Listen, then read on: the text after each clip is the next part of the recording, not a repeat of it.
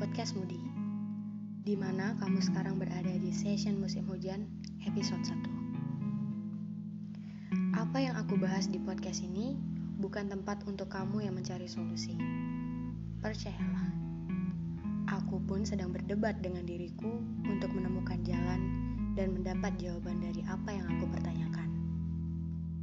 Peranku di sini hanya untuk menemani kamu yang mungkin sedang mencari orang yang bisa mewakilkan apa-apa yang ada di pikiranmu yang tidak bisa kamu jelaskan. Selamat mendengarkan. Hai, apa kabar? Sudah berhari-hari kita tidak saling menghubungi. Di sini, aku hanya bisa melihat ulang postinganmu di Instagram, memutar ulang rekaman video call, atau sesekali membaca chat lama kita saat berkenalan. Aku tahu pasti, salah satu atau lebih dari tindakanku di sini telah melukai perasaanmu. Hingga kamu yang tadinya mencuri-curi kesempatan untuk membalas chatku di tengah sibuknya jam kerjamu, mendadak diam. Laporan dibacamu di WhatsApp kamu nonaktifkan, membuatku bertanya-tanya. Ini online tapi kok belum centang biru juga sih? Ini lebih dari khawatir. Perempuan overthinking sepertiku tidak bisa berpikir jernih dalam kondisi begini. Beritahu aku, aku harus apa?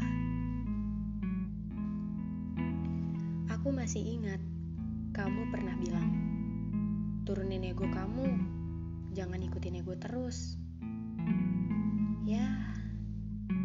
Tidak tahu kenapa kalimat itu menempel di ingatanku.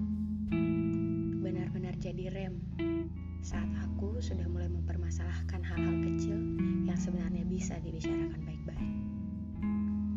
Aku sudah berhasil melakukannya. Sekarang giliran aku yang minta kamu. Turunin ego sedikit, bisa. Kamu sendiri yang bilang, jangan tinggalin aku. Kamu juga yang selalu minta maaf kalau tidak berkabar atau terlambat membalas chatku. Lalu sekarang, apa kenyataannya?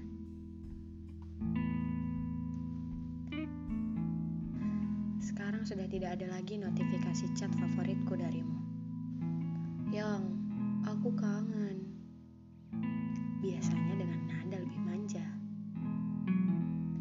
Kamu tahu, di situ aku bingung cara mengobati rindumu. Sementara jarak ribuan kilometer menyulitkanku untuk sekedar mampir di depan kantormu, membawakan bekal masakanku yang ingin sekali kamu cicipi. Alhasil, aku hanya bisa berkencan via video call, menghadiahimu tulisan-tulisan pendekku di blog, berharap itu bisa sedikit menenangkan kerinduanmu. Tapi, sekedar balas chatku.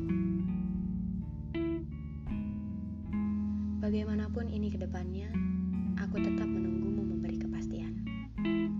Dari apa yang sudah kita rencanakan, dari apa yang sudah kita impikan, tolong jangan buang semuanya. Terlepas dari jodoh atau bukan, aku ikhlas. Apa salahnya? Kita tidak pernah tahu, kan? Maka dari itu, kembalilah. Nomorku masih sama. Foto-fotomu masih aku simpan. Dan cerita-cerita kita masih aku ingat dengan baik. Selamat malam. Semoga mimpimu indah dan ada aku di dalamnya. Maaf untuk saya.